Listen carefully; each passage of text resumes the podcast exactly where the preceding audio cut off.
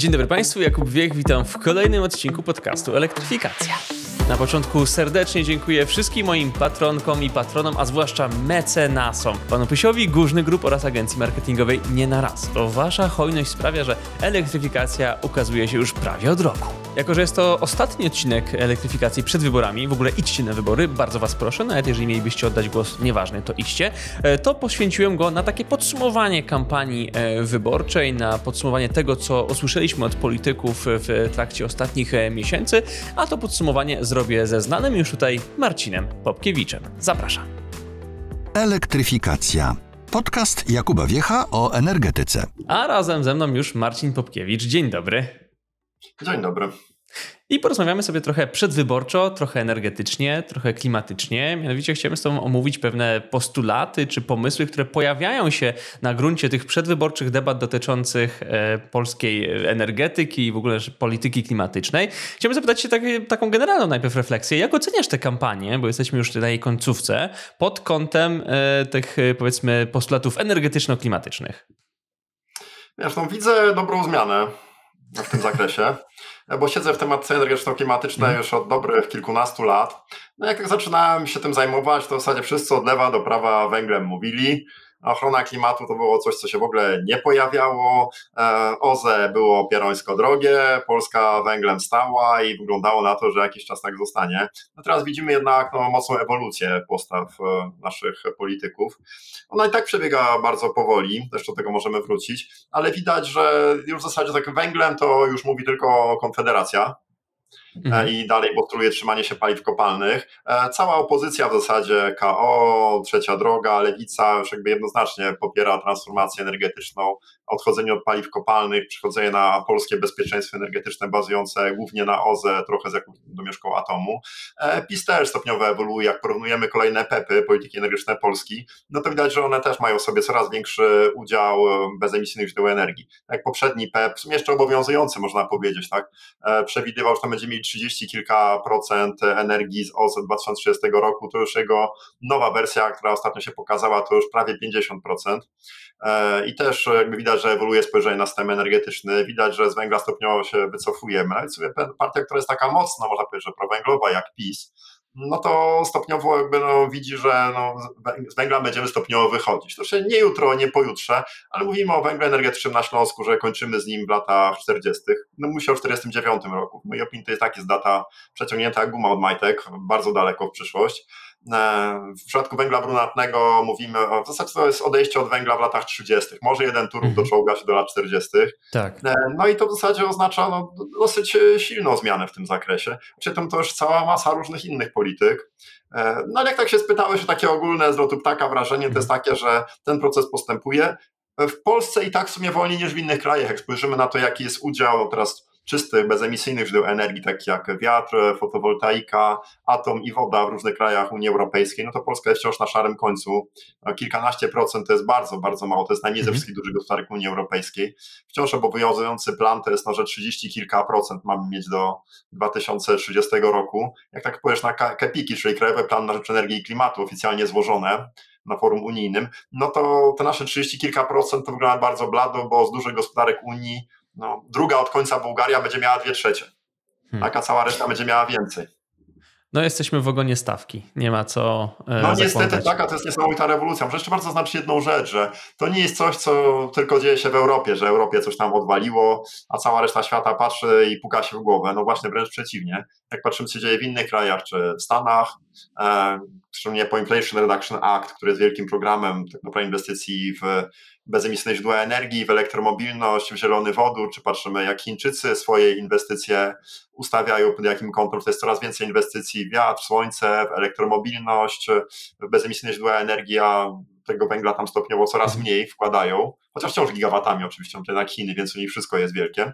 E, jak się tak popatrzy, co się dzieje na świecie, no to e, no to w zasadzie jest wielki megatrend globalny. Jak patrzymy też na środki, które wkłada się w transformację energetyczną, no tak e, patrzymy, to w ostatnich trzech latach one wzrosły ponad dwukrotnie, już do dobrze ponad tysiąca miliardów dolarów. Mhm. E, I to jest już więcej niż paliwa kopalne się wkłada. Tak, Więc to się no tak, dzieje. To No, i jako Polska pytanie, jak się w tym znajdziemy, jak będziemy nadążać, czy będziemy jakby konserwować to stare status quo w imię takich jakby czy innych aspektów, mhm. czy jakby dołączymy do tego wielkiego wyścigu.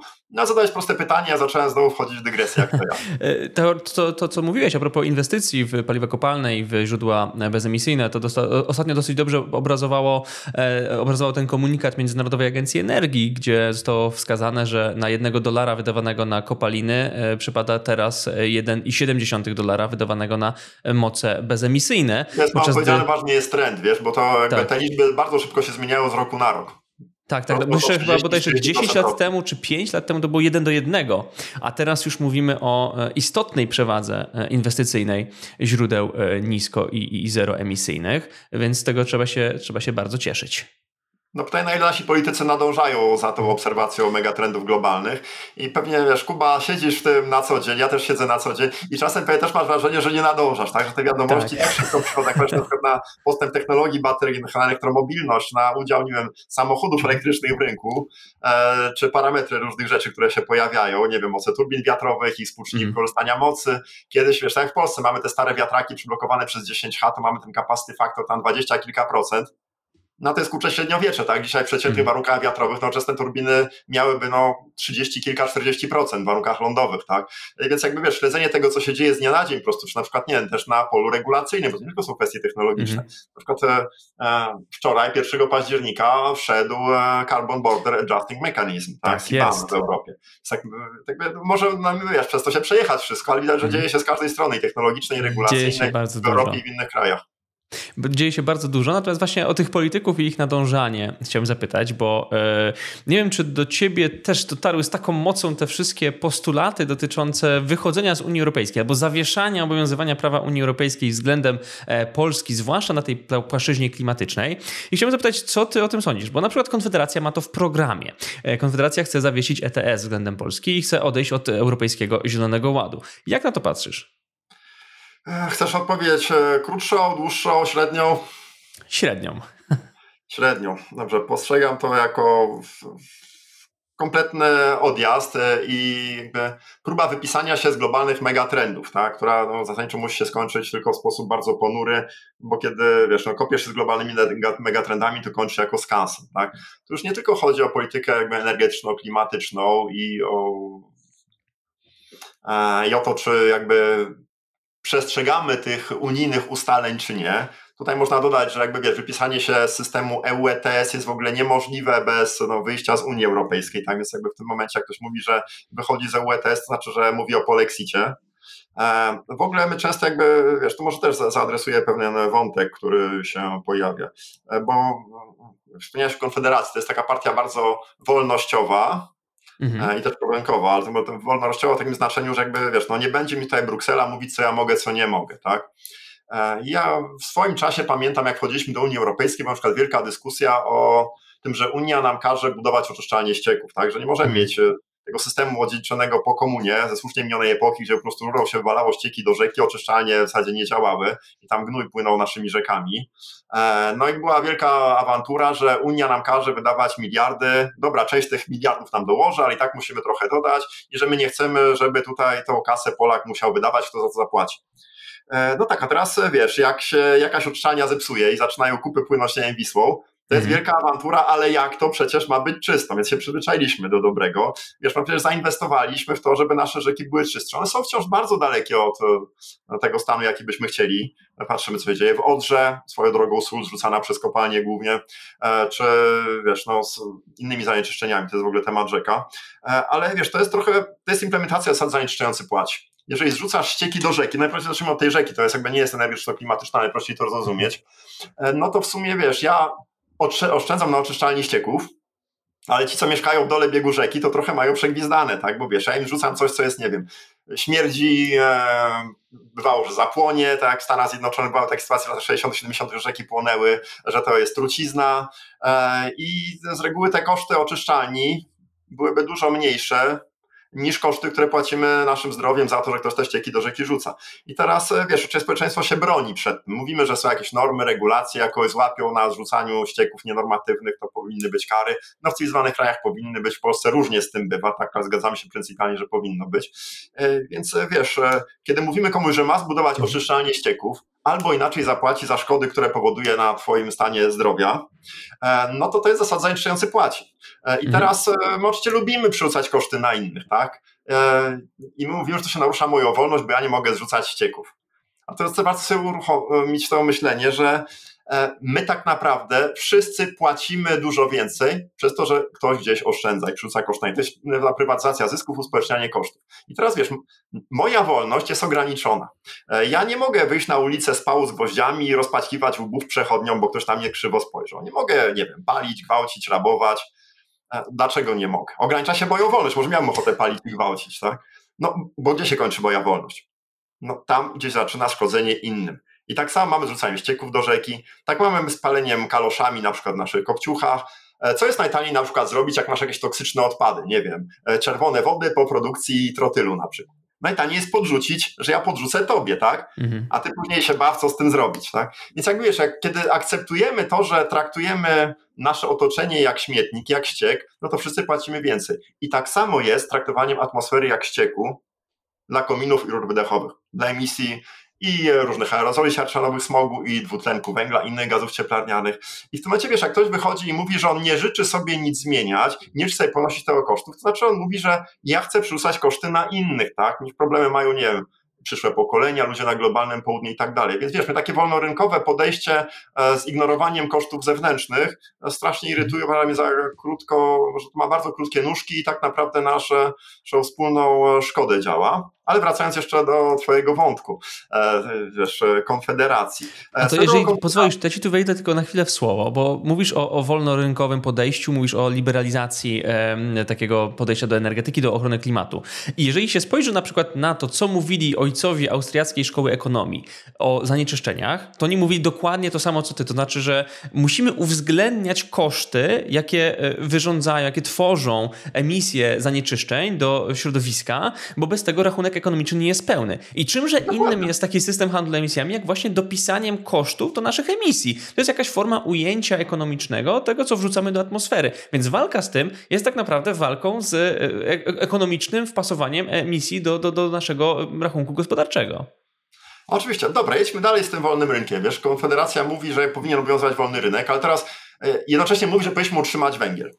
Ale tak. przepraszam, utrzymanie polskiego węgla jest tak naprawdę stoi w takiej opozycji do wolnego rynku, że aż to sobie trudno wyobrazić. Jak popatrzymy na wolny rynek węgla na świecie i porównamy, jak się wydobywa węgiel w odkrywkach gdzieś, nie wiem, w Kazachstanie, Mozambiku, Chile, Indonezji, Australii, gdzie e, ładuje się koparką na ciężarówkę, węgiel po prostu i się wyjeżdża, versus nasze kopalnie, gdzie jedziesz kilometr pod ziemię albo i głębiej, tam jedziesz pół godziny na przodek albo i dłużej, w temperaturze ponad 40 stopni, gdzie trzeba aktywnie klimatyzować olbrzymim kosztem, gdzie masz zagrożenie wybuchem metanu, gdzie masz hałas, pył i gdzie ten górnik zarabia wielokrotnie więcej niż jego kolega w Kazachstanie czy Mozambiku, a wydobywa drobny ułamek tego, co jego kolega, e, który operuje koparką. Jak pomyślisz teraz, jak nasz węgiel z naszej kopalni może być konkurencyjny do tej odkrywki w Kazachstanie, no to odpowiedź na zglobalizowanym rynku węgla i transport jest tani, jest jedna, jedyna no to nie może być konkurencyjne i nie jest. My świadomie utrzymujemy to wydobycie węgla w polskich kopalniach w wyniku olbrzymich dotacji. Tak, w poprzednich latach to było na poziomie gdzieś 10 miliardów złotych rocznie. Teraz e, mam wrażenie, że wzrosło, jeszcze nie ma raportów na ten temat, e, ale jakby wiesz, no ja rozumiem, że jest w tym logika, że lepiej mieć węgiel nawet droższy, ale polski, to jest jednak bezpieczeństwo energetyczne, płacimy polskim pracownikom, a nie komuś gdzieś tam za granicą. No tak, aczkolwiek są tego granice, tak? Wiesz, jeżeli to jest trochę droższy węgiel, okej, okay, tak. A tej samej zasadzie nie próbujemy wydobyć ropy na polskim terytorium, gdzieś w Morzu Bałtyckim czy na Podkarpaciu. Tam są jakieś złoża, tak? Ale to była tak droga ropa, gdybyśmy próbowali na nie oprzeć naszą gospodarkę, to by zabiło naszą gospodarkę. Dużo taniej kupić, e, nie wiem, od e, Arabów na przykład, tak? czy gdzieś tam z Teksasu. E, więc węgiel, utrzymanie węgla niestety gryzie się z wolnym rynkiem i tak naprawdę, jeżeli powiemy rynkowi, coś z tym węglem powinno stać, to on powinien zostać błyskawicznie zastąpiony węglem z importu. To się to jest pytanie o bezpieczeństwo energetyczne, tak? Ale miejmy świadomość, że to nie jest wolny rynek, tylko już zupełnie inne czynniki tu wchodzą. Kolejny element, jak e, e, mówimy o wolnym rynku, no to powinniśmy też ułatwić inwestorom inwestowanie w te źródła energii, które się opłacają. E, to jest podejście w opozycji do monopolii energetycznych, które to blokują, tak? A co obecnie mamy w Polsce? No mamy wielkie koncerny energetyczne monopolistyczne, które piszą prawo tak, żeby czasem za bardzo konkurencja niezależnych inwestorów im no, głowy nie podniosła. Tak? Pewnie o tym dużo też e, mówiłeś.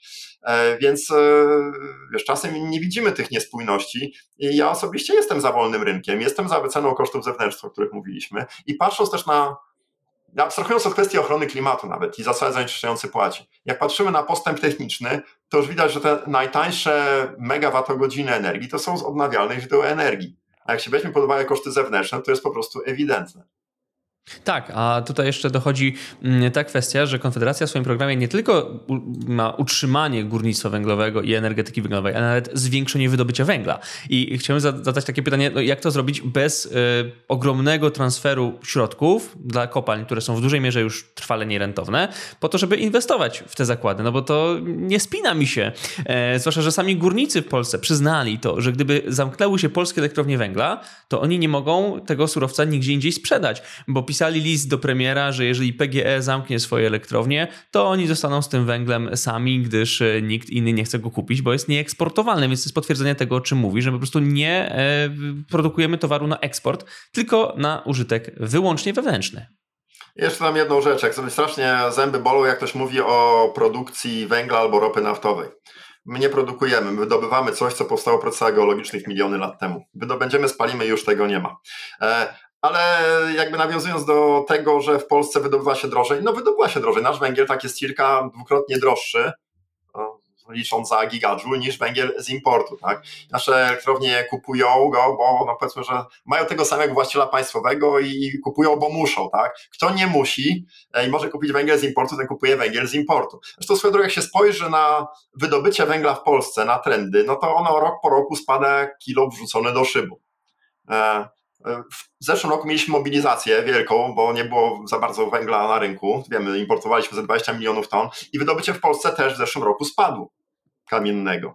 A w tym roku, jak patrzymy rok do roku, no to kilkanaście procent mniej wydobyliśmy rok do roku w pierwszych miesiącach niż w roku zeszłym. W przypadku brunatnego w ogóle jedną czwartą mniej. Tak? Więc to wszystko się samo zamyka szybciej niż e, jakikolwiek rząd planuje. Jeżeli chcemy to utrzymać przy życiu, to faktycznie musimy skierować w to olbrzymie dotacje. I tu jest jeszcze jedna istotna myśl, bo system energetyczny można bardzo szybko, znaczy nie tak bardzo szybko, ale szybko przebudować. Tak? W horyzoncie 2030 roku, jak zresztą patrzymy nawet na programy partii politycznych, tak pokrótce podsumowując, no to PiS mówi, że skupiam się teraz na prądzie, że tam 40 bodajże 7% możemy mieć prądu w 2030 roku.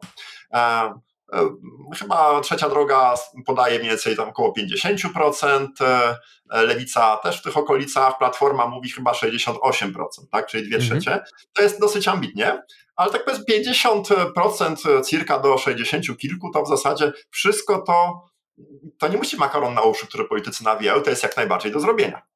E, oczywiście są pewne wąskie gardła, nie są nim same źródła energii, bo wiatraki czy fotowoltaikę można stawiać bardzo szybko. To jest kwestia regulacji, które bardzo wydłużają ten cały proces uzyskiwania pozwoleń. Wreszcie mhm. trzeba z tym sobie poradzić na poziomie regulacyjnym, znaczy to o czym się dużo mówi w Europie, bo cała Europa ma ten problem, nie tylko w Polsce jest, chociaż może nie aż tak wyraźny jest wszędzie, e, strefy OZE. Czyli mówisz, ok, tu jest e, teren pod farmę, nie wiatrową czy fotowoltaiczną, tu już oddziaływanie na środowisko jest przyklepane, nie będzie problemu, tu będzie przyłącze, zapraszamy drodzy inwestorzy, na licytację, co, co proponujecie, za ile chcecie tutaj warunki, żeby się budować. Taki wiesz, od strony technicznej to dwa lata i możesz to postawić, a w przypadku fotowoltaiki to w ogóle mogą być miesiące. E, barierą są sieci przesyłowe też, tak? Mhm. E, ale tutaj też jakby możemy to opóźniać, możemy przyspieszać. E, nie bałbym się też, że to jest nie do zrobienia, a to jest do zrobienia, chociaż trzeba pewne rzeczy z tym zrobić, ale to już pewne detale.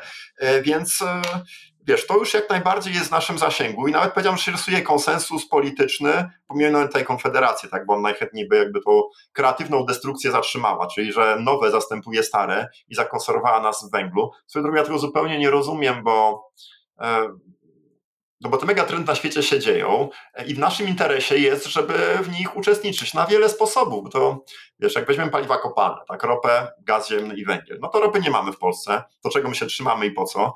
E, Gaz ziemny, no dobra, mamy jedną piątą cirka z własnego wydobycia, reszta z importu. Jak nie od ruskich Mhm. oligarchów, to od szejków arabskich i też nas to kosztuje kupę kasy. A węgiel to jest, e, wiesz, czy mamy, czy nie mamy. Bo z jednej strony hałdy węgla się piętrzą przy kopalniach pod niebo, elektrownie nie chcą tego odbierać, e, ale elektrownie to jest jedno, drugie to są gospodarstwa domowe, bo węgiel węglowy jest nierówny. E, Co pewnie nasi słuchacze też sobie zdają z tego sprawę. Jest węgiel taki jak miał węglowy. To w tylko, przepraszam, wejdę ci słowo, wiem, że nas słuchają inżynierowie górniczy, tylko powiem, że chodzi o zwały, bo, Tak, tak, tak, dawno, no. da, dawno temu dostałem poprawkę, także tak. Dziękuję. E, Tak, oczywiście. E, e, Węgla grubego na rynek komunalny, jakieś tam orzechy, kostki, ekogroszki, po prostu nie mamy w Polsce dość, bo nasz węgiel przy naszych metodach wydobycia ścianowego po prostu jakby no, nie pozwala zaopatrzyć e, rynku wystarczającą ilość tego węgla. Teraz jak patrzymy na wszystko, i węgiel, i ropa, i gaz, to jeżeli chcemy w zasadzie, nie wiem, dalej trzymać się paliw kopalnych, ropy i gazu, i węgla w sumie też, bo jakby nawet nasz dosyć no, prowęglowy rząd mówi o wygaszeniu węgla w latach 40., no to pytanie, skąd ten, te paliwa kopalne będą, tak? To wszystko z importu, tak? No, już teraz płacimy za to majątek. Jak w zeszłym roku import paliw kopalnych do Polski to kosztował nas e, ile? No blisko O, 200 miliardów złotych. Tak, coś, coś w tych 50 granicach, tak. Mhm.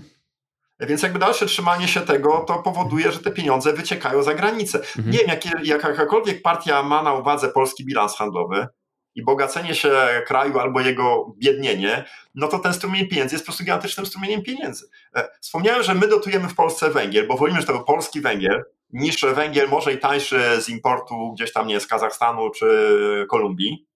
No tak nasz po- polski węgiel. I teraz możemy podobnie podejść do innych przepływów finansowych. Może lepiej nie wydawać nie wiem, 100 czy 200 miliardów na zakup paliw kopalnych za granicą, na zakup czegoś, co niezwłocznie puszczamy z dymem i kupujemy następne, tylko może te pieniądze warto byłoby wydać w Polsce, polskim pracownikom zapłacić. Bo jak pójdziemy w transformacji energetycznej i moja firma zleci twojej firmie, żebyś, nie wiem, no, robił termomodernizację budynków, żebyś produkował e, okna wysokiej klasy energetycznej, a jesteśmy liderem w stolarce okiennej Polska, żebyś kładł sieci energetyczne e, na kablach z polskich fabryk na miedzi z KGHM-u, żebyś budował biogazownie żeby rolnicy to obsługiwali, żebyśmy rozbudowywali e, transport e, bezemisyjny, linie kolejowe, możemy produkować autobusy, ładowarki do nich, e, tramwaje, pociągi, jesteśmy w tym nieźli. Czy weźmiesz pod uwagę rekuperatory czy pompy ciepła? W zasadzie też Mhm. możemy całkiem nieźle pójść w tym kierunku, bo to są technologie o poziomie złożoności pralki czy lodówki, a w Polsce doskonale się to produkuje nie tylko na nasz rynek e, własny, ale też w ramach e, friendshoringu, coraz bardziej rozpowszechniającego się.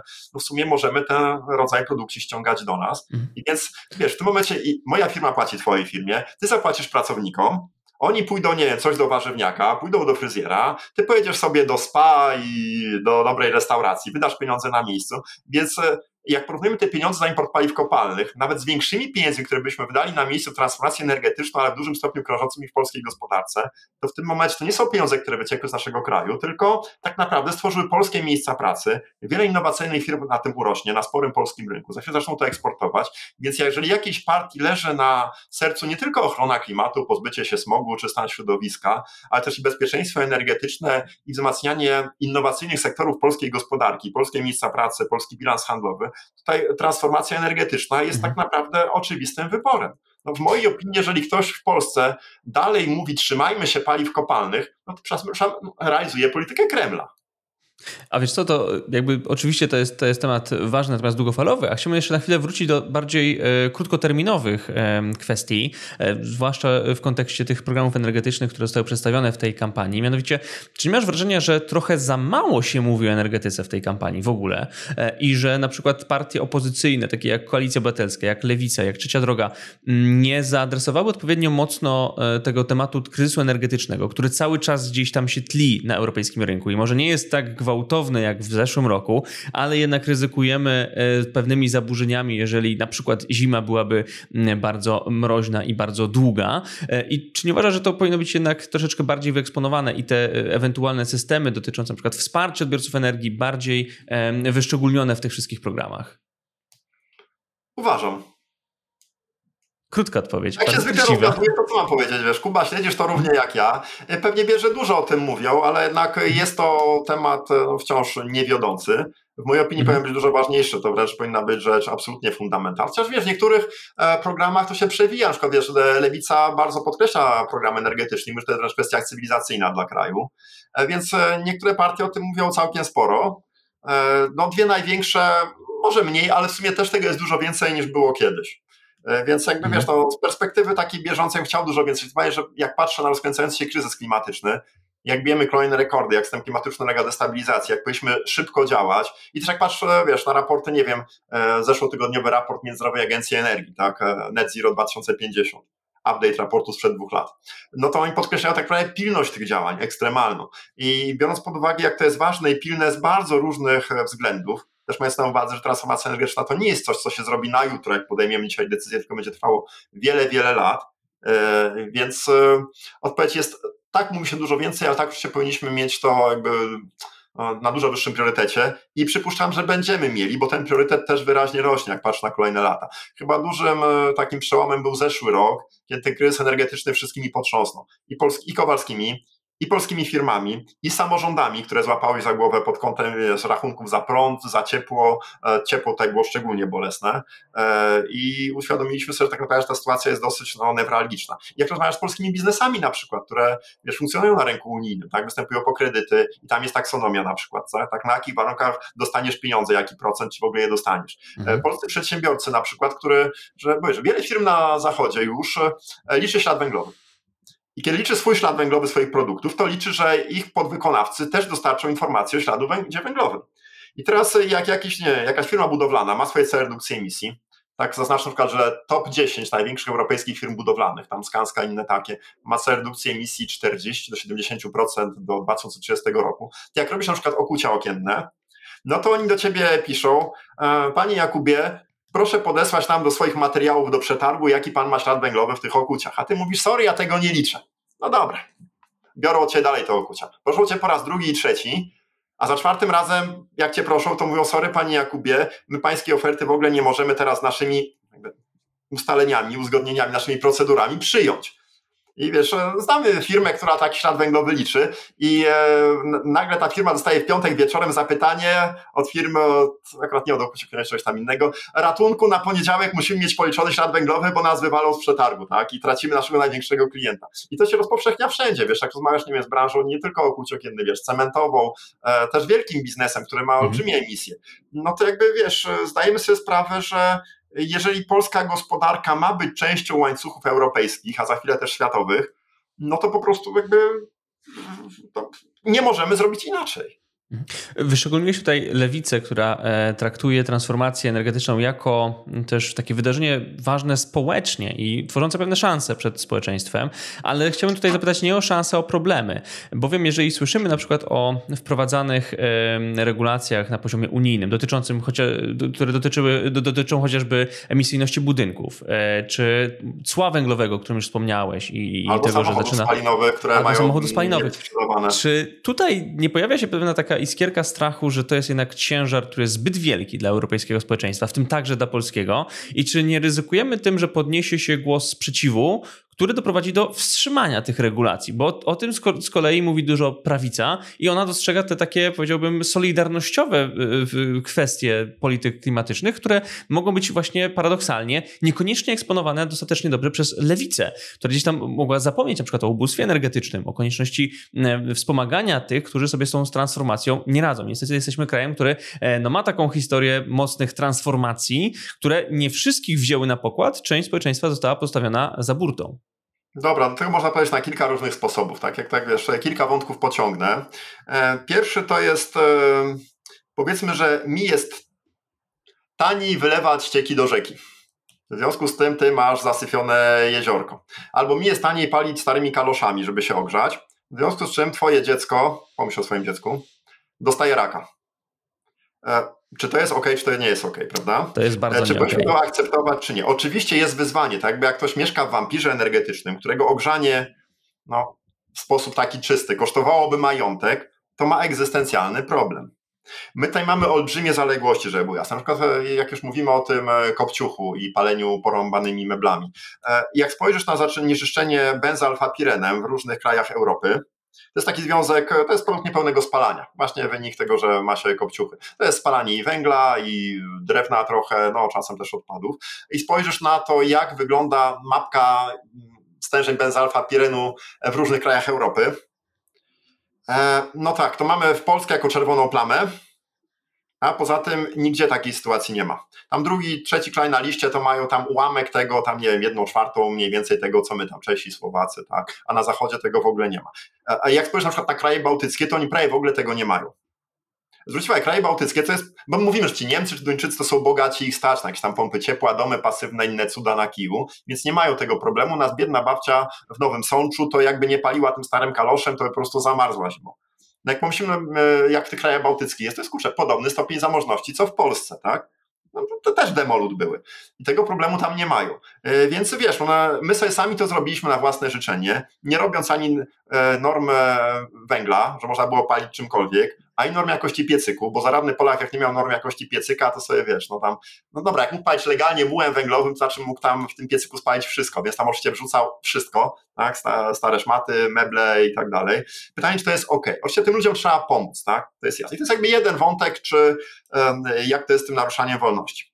E, druga strona jest taka, e, niedziałanie też wiąże istotnymi kosztami. Jak pomyślimy na przykład o zmianie klimatu, którą po prostu byśmy zignorowali, tak, no bo, bo jej przeciwdziałanie byłoby zbyt kosztowne i trudne. Swoją drogą to była sytuacja sprzed dekady. Wtedy alternatywy dla paliw kopalnych były tak drogie, nieosiągalne, jak myślę 10 lat temu, kilkanaście kosztowały, nie wiem, inne źródła energii, czyli jak wyglądała możliwość mobilności, na przykład bez samochodów spalinowych, po prostu nie było takiej możliwości, tak? Można było wrócić, nie wiem, do jakichś tam czasów sprzed pokoleń, tak, jakości życia, co już się było kompletnie jakby no nie do sprzedania. E, teraz to się zmieniło, e, bo wiesz, źródła energii bardzo staniały, pojawiła się elektromobilność, doszlifowałeś technologie tak jak, nie wiem, pompy ciepła i tak dalej i widać, że już jakby to jest do zrobienia i wcale nie musi się wiązać ze spadkiem jakości życia. E, jakby wiesz, po jednej stronie masz koszty zmiany klimatu, czy też smogu, czy innych takich rzeczy, tak, którymi się liczymy. No po drugiej stronie masz no, to, że coś trzeba wydać, żeby zapobiec tym problemom. Tak? I teraz się problem jest w tym, że zapobieżenie tym problemom kosztuje, tylko jak myślimy dłużej niż w horyzoncie najbliższych kilku lat, to po prostu się opłaca. Jest kolejny tak. element. Też nie zdarzyło się same. Jak popatrzysz na przykład, nie weźmy samochody, jak taką, wiesz, bardzo rzecz kontrowersyjną. Właściwie teraz już widać, że jakby, bo wiesz, bo ludzie lubią jeździć samochodami i jest to wygodne. Jeszcze w mieście mhm. można żyć bez samochodu, ale na prowincji w zasadzie się nie da. Przecież na polskiej prowincji, gdzie nie było planowania przestrzennego, gdzie transport po prostu upadł, jest wykluczenie komunikacyjne dotykające kilkanaście milionów Polaków, bez samochodu po prostu się nie da amen. E, ale ten problem, e, wiesz, jak e, samochody elektryczne się pojawiły, no to jest problem jajka czy kury. Jaki jest największy problem z samochodem elektrycznym w Polsce? Jeżeli jeździsz samochodem elektrycznym.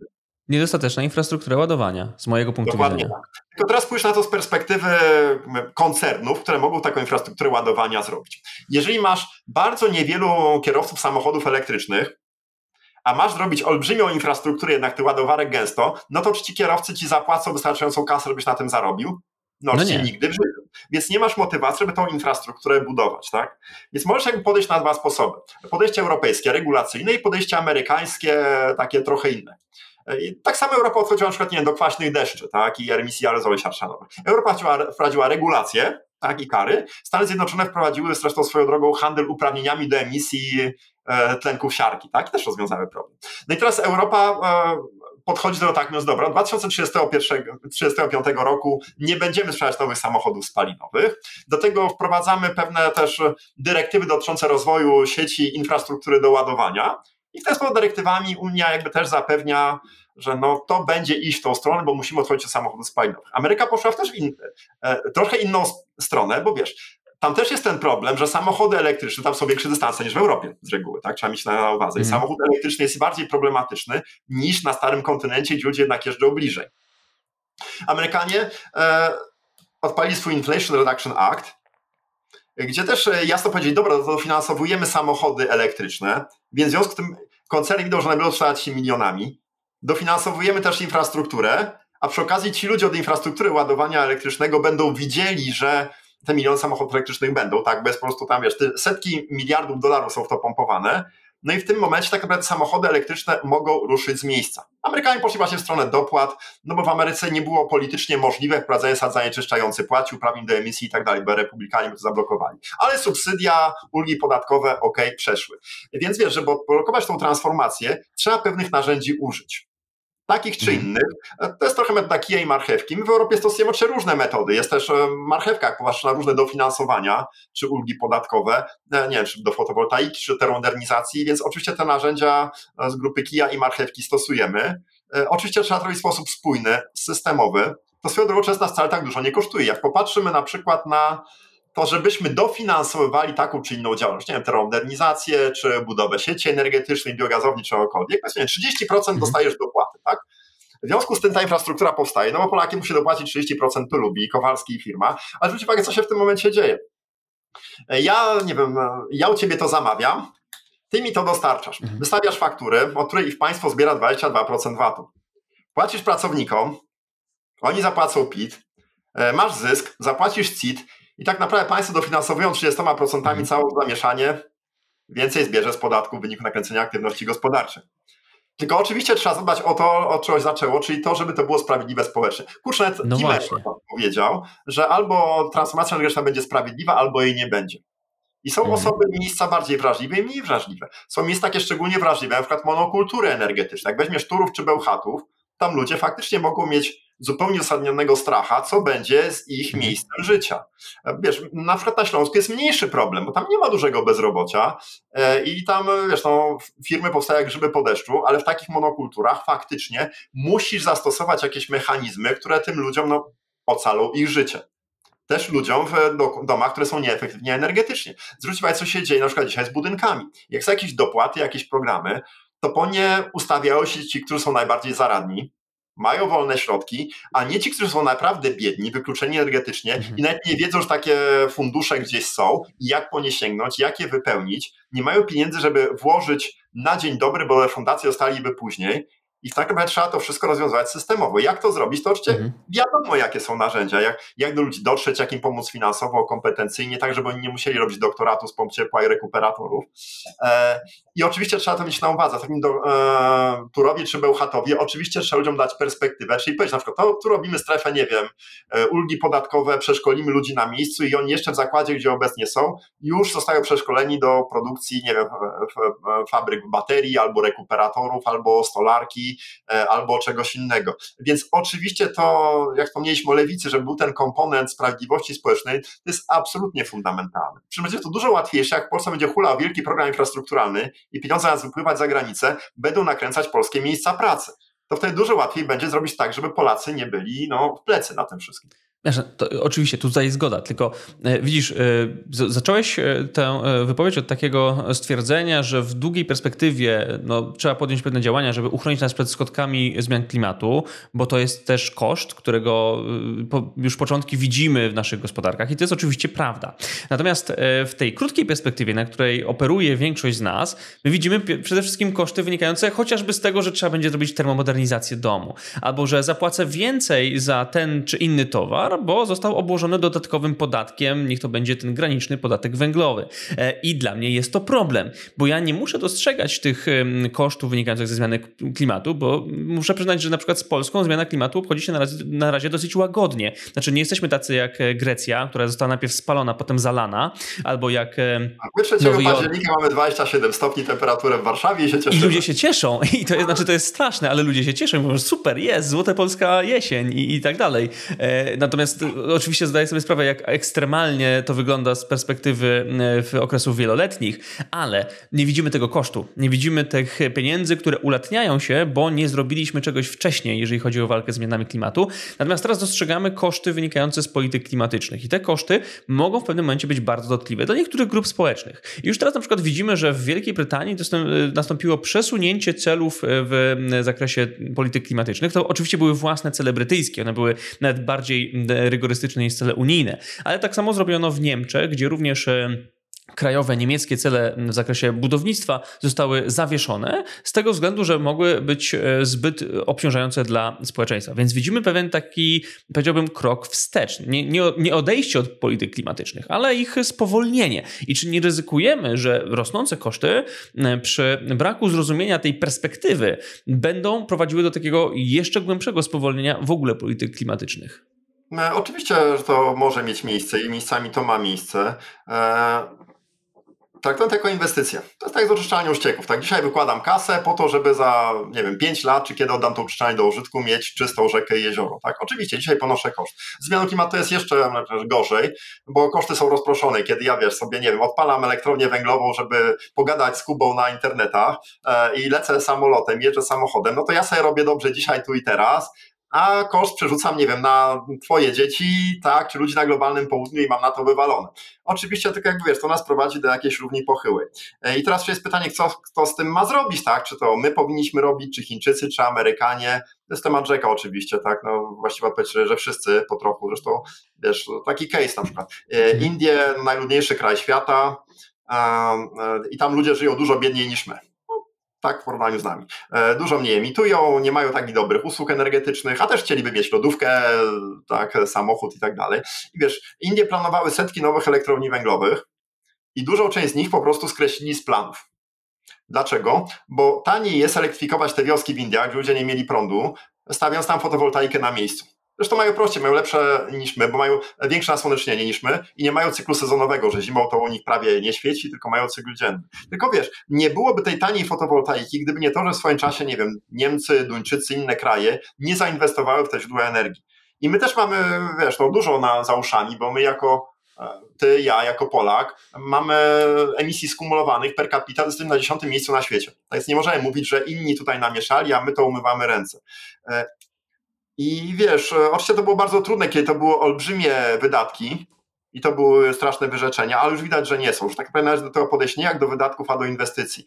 E, oczywiście tak trochę głupio brzmi, że będziemy ratować świat, jak nam się to opłaci biznesowo, zrobi nam miejsca pracy i nakręci nam polskie firmy, tak? Trochę do tego podchodzimy, ale dzięki temu, że wiesz, co po niektórzy już trochę zrobili, tu coś zrobił Musk i jego Tesla z elektromobilnością, tam poszedł postęp nie w technologiach bateryjnych, tam e, poszedł rozwój pomp ciepła, e, tam rozwinęły się technologie, nie wiem, biogazowe, czy wiatraki są dużo lepsze niż były kiedyś, czy fotowoltaika. Więc teraz już po prostu, wiesz, dzięki temu, że ktoś kiedyś coś zrobił, być może motywowany w dużym stopniu kwestią chęci ochrony środowiska, zainwestował w tak, nie w swoim czasie Niemcy czy Duńczycy, albo swoją determinację właśnie do odejścia od paliw kopalnych i jednocześnie od atomu, tak bardzo ambitnie, e, to teraz jakby wszyscy od tego odcinamy kupony, więc spojrzałem na to w ten sposób. Jest jeszcze jeden aspekt, wiesz, ponieważ my w Polsce nie mamy ropy, nie mamy gazu i węgiel też jest na zejściu. Tak mid-century w zasadzie, no chyba, że będziemy to dotować jakimiś kosmicznymi, coraz większymi pieniędzmi, żeby jeszcze utrzymać nasze wydobycie, a też będzie coraz bardziej obciążać polską gospodarkę. E, I tak by co w ogóle w Europie jest niemożliwe, jak wyjdziemy z Europy, to dopiero nasz ten cały CBAM, czyli Border Adjustment Mechanism, jeszcze nas by dorwał, gdybyśmy byli poza Unią Europejską, więc jakby byśmy wypisali, a dalej mielibyśmy koszty i odcięcia się od naszych najlepszych, jakby no, naszego najlepszego rynku. I wracając do kwestii paliw kopalnych, e, wiesz, to jest zasób, który jest nieodnawialny. Wspomniałem, że my nie produkujemy węgla czy ropy, my to mhm. wydobywamy i przegryzamy ich przez te złoża dosyć szybko. Jak patrzymy, co się działo w zeszłym roku, kiedy paliwa z Rosji wypadły z rynku, no to mieliśmy olbrzymi kryzys, tak? E, oczywiście nikt nie wykluczył. Teraz oczywiście zatkaliśmy to dziurę, nie wiem, po gazie, na przykład e, gazem z Kataru. Mhm. Ale wiesz, jak doszło do konfliktu w Zatoce Perskiej na przykład i stan, gazowce stamtąd przestałyby przepływać, albo by wyleciały w powietrze gaz rurki idące pod Morzem Północnym, a gaz rurkom się ostatnio różne rzeczy przytrafiają, no to jakby wiesz, te, za ile te paliwa kopalne by były i co by się tutaj działo, może by ich nie było, tak? Też bezpieczeństwo energetyczne też kosztuje. A jak idziemy w stronę e, bezemisyjnych, lokalnych źródeł energii, tak jak wiatr, słońce, systemów energetycznych, które z polskiej energii zapewniają nam nawet nie bezpieczeństwo energetyczne, suwerenność mhm. energetyczną, powiedziałbym mocniej. Bo jak ktoś system energetyczny, gdzie masz wiatraki, fotowoltaikę, e, biogazownie, które dyspozycyjny gaz zapewniają, może atom, do którego masz paliwa na lata gdzieś tam sobie zeskładowane, to, że to, że jakiś ruski dyktator e, przyłoży ci gaz rurką, wcale to cię nie rusza, w ogóle tej gaz rurki nie potrzebujesz. To jest jedna z motywacji Chin na przykład, dlaczego Chiny idą w stronę rozwoju OZE i elektromobilności, e, bo są po prostu skrajnie zagrożone w przypadku odcięcia dostępu do, dla tankowców e, przez US Navy. Jak doszło do konfliktu o Tajwan, to te tankowce i gazowce do Chin po prostu by nie przybyły. I tej ropy czy gazu z Rosji by im nie wystarczyło. Po kilku miesiącach Chiny po prostu by leżałyby na łopatkach. Tak? I my jako Polska też w stronę suwerenności energetycznej, a to jest często bardzo modne hasło na prawicy, powinniśmy mieć świadomość, że suwerenność energetyczna nie jest do zrobienia o polski węgiel, już mocno przetrzebione złoża, tylko właśnie w oparciu o technologię odnawialnych źródeł energii. Więc jakby wiesz, można tego podejść, mam bardzo wiele sposobów i traktować to jako inwestycje, nie tylko w ochronę klimatu, pozbycie się smogu, co zdrowie też nas kosztuje, tak? Oczywiście lepiej być bogatym, ale fajnie też być zdrowym, Mhm. tak? Wiesz, to, że je będziemy sobie oszczędzać paląc, nie wiem, kaloszami i się trując, no przepraszam, żyjemy XXI wieku, lata 20 w kraju Unii Europejskiej, tak? Takie oszczędzanie sobie taniej będzie z rzek zrobić ścieki, taniej będzie palić kaloszami, a taniej będzie te toksyczne odpady z produkcji trotylu, nie wiem, podrzucić e, Kubie Wiechowi, tak? I jeszcze mu tam pożar zrobić. No przepraszam, no to chyba nie o to chodzi, wcale nie oszczędzamy w ten sposób, tylko sobie robimy dużo większe koszty i problemy. Tak, to prawda, to prawda. A tak jeszcze e, podsumowując e, tę kampanijne tematy energetyczne, czy nie znajdujesz e, takiego, takiego pocieszenia w tym, że w zasadzie wszystkie partie w Polsce, te, które się zarejestrowały w tych 41 okręgach wyborczych, mówią jednak, że trzeba zrobić transformację energetyczną. Nawet Konfederacja, która popiera tam wzrost wydobycia węgla kamiennego, chce tej transformacji, dopuszcza ją, już nie stoi na takich stanowiskach, że to nam niepotrzebne. Nawet Prawo i Sprawiedliwość, które tak jak powiedziałeś jest węglową partią, taką tradycyjnie progórniczą. zablokować tylko metodami nierynkowymi, monopolowymi i dotacyjnymi, tak? Co w ustach partii bardzo takiej wolnorynkowej e, i probiznesowej to brzmi jak kompletnie jakiś w ogóle Tak. śmieszny, śmieszny żart. Tak, a na przykład w programie Prawa i Sprawiedliwości mamy wzmianki o zmianie klimatu i to takie pozytywne, w sensie, że tam w- piszą, iż zmiana z drugiej klimatu strony jest pisze o ważna. przeciwdziałaniu ideologii klimatycznej. I tak? właśnie, o, o, oczywiście, no to też górnikom też świeczkę, ewolucji. ogarek i tak dalej. Ale generalnie, patrząc na te sz- sześć głównych komitetów wyborczych, wszystkie są za transformacją energetyczną. Ja się z tego cieszę. W sensie, patrząc na to, co jeszcze było w 2019 roku, muszę przyznać, że zrobiliśmy pewien krok naprzód. Nie wiem, jak ty do tego podchodzisz. No ale oczywiście, to znaczy, przy, wiesz, jakby zrobiliśmy krok naprzód, tylko podkreślę, tu może pokażemy naszym e, widzom jeszcze ten obrazek pokazujący udział bezemisyjnych źródeł energii w miksie energetycznym obecnie i plan na 2030 roku i że Polska jest na końcu. I rzeczywiście robimy, my chcemy podwoić moc e, czystych źródeł e, energii elektrycznej, a właściwie zgodnie z nowymi planami PiSu to prawie, że potroić, tak? Ale i tak będziemy na ostatnim miejscu wśród dużych gospodarek Unii Europejskiej. Więc tak, oczywiście wchodzimy na ten kurs i cieszy mnie, że nasi decydenci coś zaczynają sobie układać w tych swoich głowach. No mogliby szybciej, mogliby bardziej. Jak nie słuchają Kuby Wiecha i Popkiewicza, mogą na przykład słuchać, jak nie IPC, to na przykład Międzynarodowej Agencji Energetycznej, która teraz bardzo fajne raporty na ten temat e, publikuje, na przykład w zeszłym tygodniu Net Zero 2050. I tak naprawdę no, to jest są bardzo silne case, żeby tą transformację robić i że jest coraz łatwiej, że to jest coś, co w zasadzie już no, w zasadzie jedynym oczywistym, naturalnym trendem. Jak patrzymy, co wkładają kasę nie tylko w Europie, ale i w Stanach, w Chinach, co się oddaje do użytku, może pokażmy dwa obrazki, może dobra, pokażę. E, tu widzimy, jakie moce na świecie oddaje się do użytku w sektorze elektroenergetycznym. Co się zwija, co się rozwija, popatrzcie. Widzicie? Rozwija się wiatr i słońce, paliwa kopalne się zwijają. Jak ktoś coś mówi o renesansie węgla na świecie, trochę przesadza. A na kolejnym obrazku możecie zobaczyć inwestycje w miliardach dolarów transformację energetyczną, jak one szybko rosną. Można by jeszcze pokazać, co robią Chiny i tak dalej, to już jakby jest osobny wątek. Słuchajcie, to się dzieje próba konserwowania Polski jako skansenu technologicznego, antyinnowacyjnego e, i e, okopywania się na pozycji globalnego truciciela i kiszenia się dalej w smogu czy innych takich wynalazkach, trochę uważam za słaby program polityczny. I cieszy mnie, że politycy, jak mówisz, Kuba, dostrzegają, że faktycznie przyszłość Polski, polskiej gospodarki, polskich miejsc pracy, polskiej innowacji y, jest e, gdzie indziej. Ja bym to podsumowałem bardzo krótko, że wiesz, nie tylko ratujemy klimat i własne skóry, tudzież naszych dzieci, ale robimy to wzmacniając polską gospodarkę, podnosząc jakość naszego życia. Tak, Dlatego bo jedną rzecz odnośnie jakby wiesz, źródeł energii i kwestii efektywności energetycznej, bo jakby wiesz, jak siedzi ta babcia w Nowym Sączu, czy w ogóle jakieś lu- siedzą jacyś ludzie w domu, który jest wampirem energetycznym i nie stać ich na ogrzewanie tego, więc się ratują paląc tam byle czym, nie wnikając czym, to wiesz, nawet jakbyś miał energię, nie wiem, dwukrotnie droższą, ale poprawisz efektywność energetyczną tak, że potrzebujesz jednej czwartej tej energii, no to rachunek na koniec miesiąca spada ci o połowę. Jakby energia była w tej samej cenie, bo wcale nie musi być droższa energia z OZE, to rachunek spada ci czterokrotnie. W tym momencie nikt nie musi palić jakimś wynalazkiem, żeby ratować się przed zamarznięciem. E, więc e, wiesz, te nasze na przykład domy to są wampiry energetyczne, które są, wiesz, niedogrzane, e, z grzybem, z, z zastałym powietrzem e, i to naprawdę i z e, komina wali jakiś czarny dym. To naprawdę nie jest coś, do czego aspirujemy chyba dla nas i naszych dzieci, więc nie postrzegam tego tylko i wyłącznie jako kwestię jakby redukcji emisji gazów cieplarnianych i poprawy bilansu energetycznego, tylko w tych domach będzie nam się po prostu lepiej i wygodniej żyło. To będą domy zdrowsze dla nas, co też wypadało w rachunku uwzględnić. Nie będziemy truć i sąsiadów, i siebie siedzą w tym grzybie i dużo wygodniejsze, bo ta automatyka będzie nam zarządzać nie wiem, tą pompą ciepła, magazynem i tak dalej, a nie będziemy biegać z kubłem węgla, paląc wieczorem i rano już marznąc.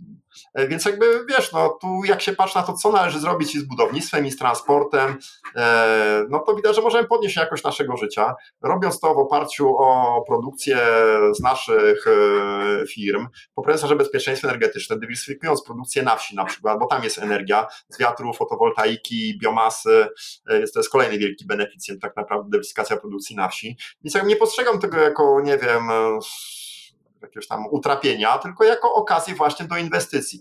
Tak, wkładamy kasę dzisiaj, odcinamy później kupony, ale później nam zaprocentuje. Jak spojrzymy z perspektywy 10-20 lat wstecz, to stanowimy, Boże, jak my mogliśmy tolerować e, to, co wtedy tolerowaliśmy, wtedy, czyli znaczy teraz.